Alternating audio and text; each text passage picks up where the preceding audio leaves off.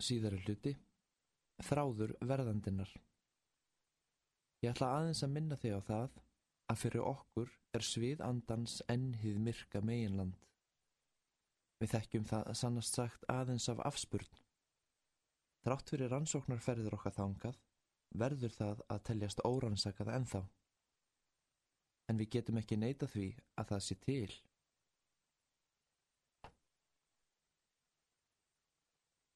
Fyrsti kapli Hið myrka meginland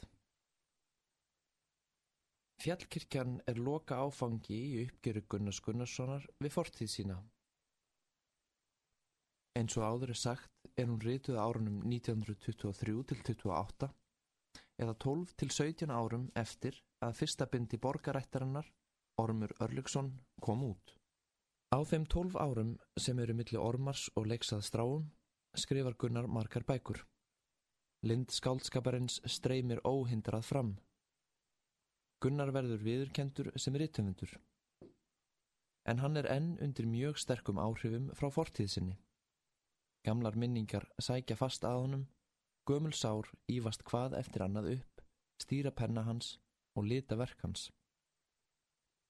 Hann skortir enn nokkuð á að hafa öðlast þá fjarlægð frá sjálfum sér hafa tekist að hefja reynslu sína upp í það veldi algildra sanninda sem er kennimark fullþróska reytufundar. En þegar Gunnar byrjar fjallkirkjuna, 34 ára gamall, hefur hann náð svo langt að hann getur fæst í fang að taka fortíð sína alla til kerfisbundinar aðtugunar. Draga saman þræði þá sem tengja fyrir bækur hans hverja við aðra. Fjallkirkjan er því ekki aðeins bókmentalegt afreg Hún er einnig persónlegt þrekverki, fyrirmynd um djúpa sjálfsrýni, væðarlösa sjálfskönnun. Með henni losar Gunnar skáldskap sinn við áhrif frá persónlegri reynslu sem aðalega kemur honum einum við. Hann hristir af sér þær viðjar sem skerða andlegt frelsi hans, svo að eftirstendur frjáls og óháður einstaklingur sem stemt getur ótrublaður í átt til markmiða sinna en það tekur nú hvert afrikið við af öðru. Tilgangur þessa kabla er að aðtúa nokkur verkunnars frá tímabilinu 1911 til 1923 og reyna að lesa úr þeim persónlega baratu hans við fortíð sína. Með því móti ætti að vera und að bæta við nokkrum þáttum í þroskasögu skáldsins auk þeirra sem framkomu við aðtúan fjallkirkjunar. Og ef til vill stiðja annað sem þar er dreyið fram en gæti virst hæpnar fulleriðingar ef ekki kemur fleira til. Á þessum tólf árum skrifaði Gunnar sex skáldsögur, þrjú leikrit og fjögur smásagnasöfn. Nokkrar smásagnana munu þó rittaðar fyrir 1911. Ekki er ástæða til að ræða öll þau verk á þessum vettvangi. Myndi það leiða til óþarfra endutekninga og engu breyta um niðurstöður. Hér verður látið næja að líta lauslega á fimm skáldsögur. Þær eru Saga borgarættarinnar, Ströndin, Vargur í fíum, Drengurinn og Sælir eru einfaldir. Borgarættin Efni sögunar er í mjög stuttumáli á þessa leið. Örlegur heitir íslenskur stórbóndi sem byr rausnarbúi á ættaróðali sínu borg í Hofsferði. Hann er ekki maður en á tvo sónu, Ormar og Ketil. Ormar neyist að þyluleik og siglir hann til kaupmannahafnar til náms. Kalli virðist aftur á móti ætlað að taka við föður leifðinni. Hann læri guðfræði og výist til heimasóknar sinnar. Þegar Ormar hefur stundan ám í þyluleik í tíu ár Ætlar kennari hans hann færan um að koma fram opinberlega og er honum talin mikilfræg vís. En þegar ormar veit sigurinn auðunnin er hann ekki lengur neins verði. Hann snýr hljómleikunum upp í nexli, veldur með því dauða kennar síns og snýr baki við öllum frama sem fyrirleikari. Ormar gerist nú stór útgerðarmadur. Hann vinnur baki brotnu í mörg ár, en þegar allir erfiðleikar eru loks yfirstegnir og fyrirtæki hans orðið fjárhagslega traust fer sem áður að Ormar missir áhugan. Hann selur fyrirtækið og heldur heim á föður lefð sína.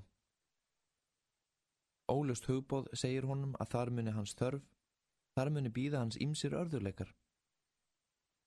Ketill bróður hans fer til Íslands með sama skipi, þá nývíður prestur. Hann hafði dvalist nokkra mánuði í Kaupmannhöfn, hvænst þar auður í danski stúlku og ennu á leið heim til að taka við ennbætti.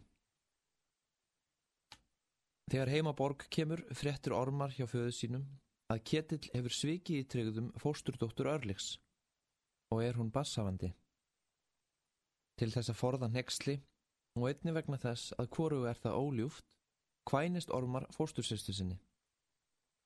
Þau fara til útlanda og þar fæðist henni sonur. Er svo látið heita að ormar sé fadur hans. Þegar Ketill kemst að raunum að ormar muni verða arftæki borgar, blæður honum það mjög í augum, þar sem hann er fjegjart mjög og metnaðasjúkur. Hann er í rauninni einn versti fantur og svífst einskis.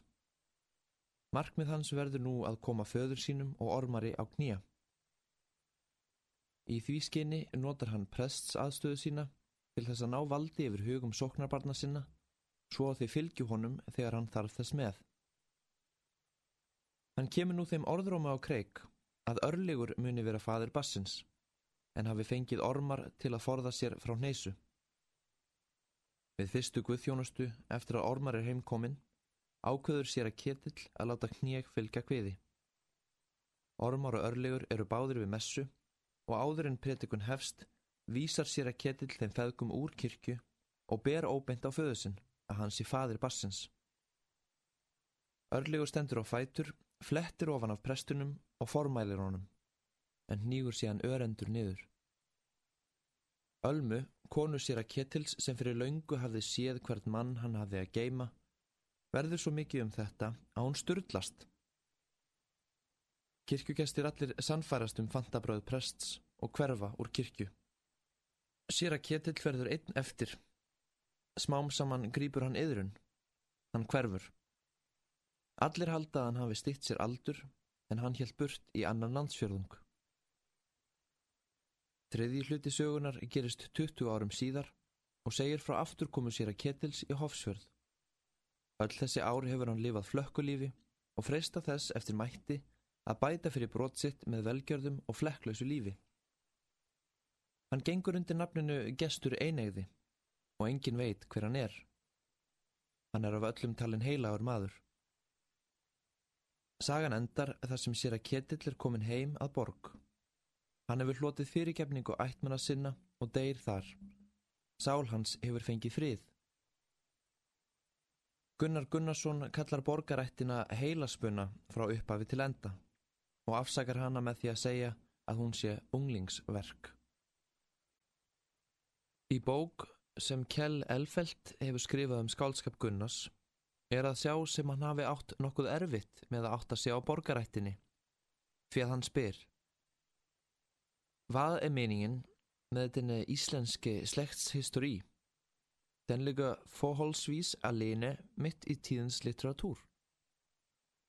Svarið telur hann sig finna í grein sem Gunnar skrifaði í bóvennen árið 1912. Þar segir Gunnar svo um bók sína. Hver gang emnet trængte sig ind på mig, nøjedes jeg i begyndelsen med at skitsere gangen i romanen. Hister her får jeg nyt. Hver gang emnet trængte sig ind på mig, nøjedes jeg i begyndelsen med at skitsere gangen i romanen. Hister her får jeg ni enkelthed til, for derefter at skyde den fra mig. Meningen var, at den skulle ligge, til jeg fik tid og råd Rigtigt at give mig i lag med den. Det lod mig imidlertid ingen råd, trængte sig på i tide og utide. Hvad som jeg sad inde i det andet emne, kom den uanmeldt og forpurrede mig det hele. Jeg følte dens tyranni som en hemsko på min udvikling. Den stillede sig imellem mig og alt andet arbejde, men jeg følte mig afmægtig overfor den. Alfelt afligter svo Det ses her at bogen skal være en befrielsesbog. Umali Gunnars benda eindreið til þess að sköpun sögunar muni ekki hafa verið honum með öllu sjálfráð. Hann þurfti greinilega að létta einu og öðru af huganum, áður en hann yrði frjáls og fástuðinu verkefni. Hvað var það sem hann þurfti að losa sig við? Höfuð personur sögunar eru þeir borgar feðgar, örlegur ormar og ketill. Örlegur er ekki maður. Þegar á fyrstu síðum bókarinnar er þess getið hver sárt ormar sáknar móður sinnar, sem lést tveimur árum áður. Harma léttir hans verður fiðlan sem hann leikur á þegar hann er einn í fjósinu. Hér er komin hliðstæða við bernskur einslu ugga, móðurmissir, afþreying við bóklastur eða fiðluleik. Móður Ormars dó af basförum þegar hún átti yngri sónin. Móður ugga dó einnig af fæðingu sónar. En hér bætist svo við nýtt atriði sem ekki er í fjallkirkjunni. Ormar hafði um nokkur ára skeið verið að fykta við fiðluspill. Piltunum hætti við að gleima sér og skeita lítið um annað. Ormar vissi um andúð föður síns gegn fiðluspillinu en gati ekki tekið hana til greina. Hitt vissi hann ekki að fadir hans hafði af þeim orsökum séð sér fyrir öðrum erfingja, verðt ofan í ráð læknisins, enda hafði konan dáið af barsförum. Frásögn þessi er ekki fyllilega sannfærandi. Ótrúlegt er að fadurinn leggji líf konu sinnar í bráða hættu af þeirri ástæðu einni að ormar hafði gaman af því að leika á fiðlu. Betur fjalli þessi skýring við sögu ugga að snemma hafi þótt sínt að hann væri neyðari fyrir bók en bú og fadurinn því haft áhuga á að eignast búmanlegri són. Þá hugmynd hefði uggi að minnstakosti hæglega geta fengið og verður því sektarkent hans vegna dauða móðurinnar en skiljanlegri. Yngri sónur Örlegs var skýrður Ketill. Hann var setna prestur og mjög neyður fyrir búsíslu. Bróður ugga hétt Sigbergur og átti að verða prestur en varð snemma hinn búmanlegasti og mikið eftirlæti föðusins. Líkingin millir Sigbergs og Ketils er mjög náinn og verður enn nánari, þegar aðeir gáð. Nokkru áður en Sigurbergur fættist voru þau Uggi og móður hans að ræða nafn á væntanlegum sinni. Uggi vil endilega að hann heiti Sigurbergur, en helst er að heyra á móðurinni að hún hafi áhuga á að koma upp nýjum ketilbyrni. Í borgarættinni leysist vandin með snjallri málameðlun. Sónurinn verður sér að ketill, sambland af sér að sigbergi og ketilbyrni. Að langmestu leiti fjallar saganum þessa þrjá feðga, aðtapnir þeirra, afstöðu þeirra og tilfinningar hvers til annars. Gunnar hefur bessinlega gefið ormari mest af sjálfum sér. Hann minnir um margt á ögga Í sér að Ketil og Örlig má ætla að hann hafi lagt nokkuð af tilfinningum sínum til bróður og föður. Tilfinningum sem ekki er líklegt að hafi komið fram á öðrum vettfangi nefengið útrás á annan hátt. Að því leitinu er sagan réttilega nefnd heilaspunni, en þó engu að síður mikilvægur heilaspunni, þar sem hann auðveldar skilningvorn á skaldinu. Ormar finnur að hann er föður sínum ekki alls kostar að skapi. Þeir eru nokkuð fjarlægir hvorarum en undir niðri eru þeir tengdir mjög sterkum böndum. Ormari er mikið kapsmál að geðjast föðu sínum. Þó að hann geti ekki unnið það til að velja aðra leiðin þá sem eðli hans segir tilum. Hvert vísar þá eðlið ormari? Það sem stjórnar lífi hans er löngunin eftir að sigra. Hann glýmir við hverja torfæran á fætur annari til þess eins að sigrast á þeim og með sigrinum á þeirri síðustu kemur hann til móts við föðu sinn, vinnur aftur óskipta ást hans og hlýtur aðalsessin í hjerta hans. Hann ógildir fæðingu bróðusins og gerir að engu dauða móðurinnar. Óneitanlega er þetta all einkennileg skýringatilrun en hún varpar nokkru ljósi á hérna óbugandi baráttu seglu ugga og hún gerir skiljanlegra hvers vegna þetta söguefni let Gunnar ekki í friði. En ormar getur ekki ógilt fæðingu bróður síns án þess að hata hann. Reyndar er slíkt hatur afar eðlileg tilfinning barns. Auk þess kostaði fæðing Ketils dauða móðurinnar. Hann átti sög á honum. En þetta var hættuleg og óleifileg tilfinning. Ketil var bróður hans og maður átti að elska bróður sinn. Auk þess sjáum við í fjallkirkjunni að móður ugga hafði beðið hann sérstaklega um að vera bróður sínum góður. Og hvers var í rauninni sökin? Ugga eða ormas sjálfs sem ekki uppfyllir ósk föðusins? Föðusins sem fórnaði móðurinni? Eða bróðusins? Eða þeirra trúarskoðana sem heimtuðu að allt væri lagt í Guðus föður hönd? Í mörgum bókum sínum spyr Gunnar sig þessara vandsvöruðu spurninga, uns hann kemst að þeirri nýðustöðu, að allir séu meira eða minna sekir, hver og einn verði að bera sinn hluta sektarinnar.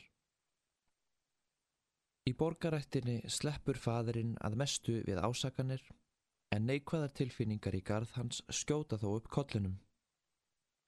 Ormar verður beinlýns valdur að dauða lærimistara síns sem að vissuleiti gekk honum í föður stað og segja má að ormar eigi einnig nokkra sög á dauðaörlegs föðusins. En aðal þungi sektarinnar og hatursins er lagður að herðar sér að kalli. Tákn þeirrar móður sem ketill nýðist á og fórnar verður hinn danska kona hans Alma og hafa einhverjir bent á að hún minnu um allt á móður ugga. En jafn skjótt og ormar hefur lagt sektina á sér að ketil, verður hann að má hana þaðan burt aftur því að hann getur ekki lift sér að hata bróður sinn. Ketill fær tækifæri til að kvítþvó sig af syndum sínum með því að auðmíkja sig og beigja sig algjörlega í duftið. Upp úr þeirri hreinsun rýs hann sem dyrlingur og fyrirmynd sem sínur öðrum mönnum hvernig sönn kristni er framkæmt í verki. Með þessu móti kemst sér að Ketill ekki aðeins í sáttu bróður sinn, heldur verður hann einnig málsvari trúarhugmyndagunnars sjálfs. Kvílík ógn og skelving að sjá bræður berjast blóðþyrstri hendi í heiftúð sálnanna og hugsa til þess að þannig hefur mannkinnið barist, kynnslóð eftir kynnslóð og mun berjast enn um aldir. Hvar standa prestarnir í fylkingu? Fríðarbóðar frelsarafors? Hví ganga þeir ekki út á meðal fólksins, reyna að tengja sál við sál, bróðurlegum böndum, í stað þess að hverfa bak við stólbrík og kenna orðið um frið sem tvíra eða gátu eða öllu heldur marklust hjál. Hafi ég ekki lært annað á þessum árum, þá hef ég að minnstakosti lært það að eina prestþjónustan, sem ekki er verri en engin, eina aðferðin til að kenna Guðs orð er svo að fylgja því um leið í öllu lífverðni sínu og án afdráttar. Hér verður stikla á því sem er viðist vera aðal aflgjafi borgarættarinnar, en Gunnar þurfti að fjarlæga fleira frá liðinni tíð. Í fjallkirkjunni koma fyrir tvær mjög auðmíkjandi endurminningar varandi vestlunamenn. Einn fyrri er þegar Uggi er sendur í kaupstað fyrir föðu sinn og Jón Jónsson faktor lætur hann ekki fá nema hálfa átækt vegna þess hver fadir hans skuldar mikið. Þessari reynslu átti Uggi bátráð að kingja.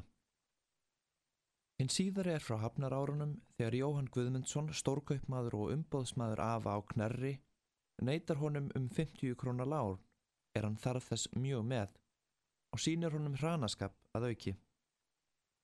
Sjálfsagt styðjast þessar frásagnir við reynslu Gunnars sjálfs því að hann situr sig sjaldan úr færi að fara eins raksmánarlega með kaupmannavaldið og hann getur. Í borgarættinni er Bjarnakaupmanni líst sem samviskulausri og blöytgeði auðrasál. Það verður örlegur á borg sem gefur honum þá ráðningu er undan svíður og þegar Ormar gerist stór útgerðarmadur, nær hann að heita má öllum samgöngum til Íslands í sínar hendur. Þú getur hæglega lagt undir því alla vestlun á Íslandi, segir Ketill bróður hans við hann. Gunnar hefur hér hemt sín rækilega, en áþó eftir að gera það betur, áður en líkur. Það fer því ekki millir mála að borgarættin er gegn sýrð af fortíð höfundar er það í senn veikleiki hennar og styrkur. Styrkur vegna þess að persónleg þörf Gunnars til þess að skrifa sig frá vandamálun sínum ljær sögunni inn mikla hita tilfinningana, dramatíska spennu sem endar í hreinum og tærum idealisma, eins og þegar sól skín í heiði eftir svarta nótt. Veikleiki bókarinnar er sá að vandamál fortíðarinnar rauðjast svo ört fram að það trublar persónasköpun og tætir verkið í sundur. Við sjáum að Gunnað getur enn ekki skoðað engamál sín og nægilegri fjarlagð til þess að þau séu aðeins kveikja skaldlistarinnar. Þetta mætti raukstiðja með mörgum dæmum úr sögunni en hér skal einungis minnst á tvö. Ormar sem þó er að mörguleiti heilsteift og lifandi persóna verður ós líkt skiljanlegur nema við þekkjum ögga. Sem barni og unglingi er ormari líst eins og drömlindum listnegðum dreng sem haldin er innri þörf til tjáningar. Þessi þörf er svo kníjandi að hún ræður lífsstefnu hans. Bensku ár ugga lýsa uppuruna þessarar djúbstæðu þarfar en í borgarættinni er gefið í skinn að hún hafi verið til áður en móðurinn dó. Sagan gefur oss ekki færi á að skilja þetta. Þegar ormar fullorðnast varpar hann frá sér listinni, gerist útgerðamadur síðar bóndi. Allur er þessi ferill mjög ósennilegur og kemur ítla heim við skapverðli ormars eins og því er líst í upphæfi. Er þar sjáanlegt að vandamál höfundar hafa rofið heild persónusköpunar. Líkt má segja um persónurna sér að ketil. Hann breytist ofsnöglega úr fandi í dyrling til þess að það fái staðist.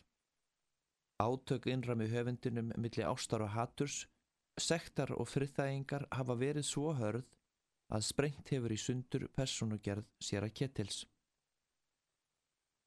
Borgarættin er fyrsta skaldsaga Gunnars sem gefin var út. Við sjáum nú hvernig honum tekst í næstu sögum að hefja sér til hærra flugs anþess þó að missa sjónar á þeim löndum sem hann lagði frá.